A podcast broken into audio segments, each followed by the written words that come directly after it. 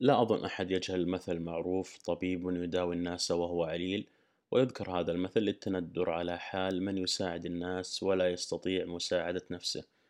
وأنا برأيي هذا المثل يقول حقيقة لأن في الغالب لا يساعد الناس إلا العليل لكن يحتاج لتوضيح.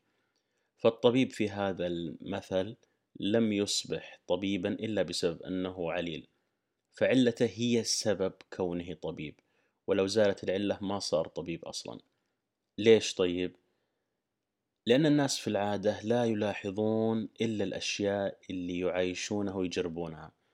فالإنسان وإن كان يرى إنسان آخر يعاني من مشكلة معينة فهو ما راح يعتبرها مشكلة حتى يجربها بنفسه ويعلم مقدار المعاناة.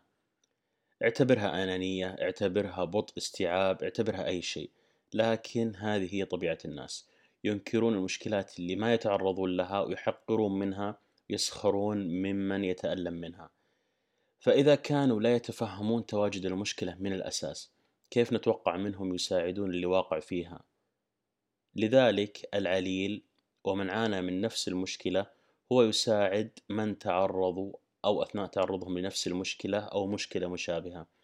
وعشان كذا أنا ضد أن الشخص يصرح بشكل واضح عن مشكلته بداعي التنفيس والفضفضة حتى لا يحصل عكس ما يريد ويبدأ الناس ينظرون عليه بالحلول السهلة أو يستفزونه بالتقليل من معاناته والأفضل إما التعبير بالمشاعر تجاه المشكلة أو التعبير بغموض لكن إذا كان العليل يداوي الناس هل يستطيع أن يداوي نفسه؟ بصراحة أرجح أنه لا يستطيع لأن الدعم والوقوف بجانب صاحب صاحب المشكلة يأتي من الخارج وليس الداخل. لذلك لابد أن نفرق بين القدرة على مساعدة الناس والقدرة على مساعدة الذات. فهي قدرات مختلفة تماما وامتلاك أحدها ما يستلزم أن الإنسان يمتلك القدرة الأخرى. لذلك من يساعد الناس هو يظل يحتاج المساعدة وبرأيي هنا تكمن معضلة هؤلاء. لأن الناس يظنون أنهم لا يحتاجون للمساعدة بحكم أنهم يساعدون الناس لذلك يظلون دون مساعدة.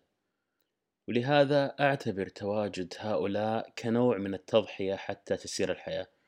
فهم يساعدون غيرهم حتى يستمرون في المسير وحتى يتحقق هذا لابد يظلون في مكانهم. مثل اللي واقف بطريق مقفر ويساعد كل من يتعثر في الطريق لكن في نفس الوقت هو ما يقدر يكمل الطريق.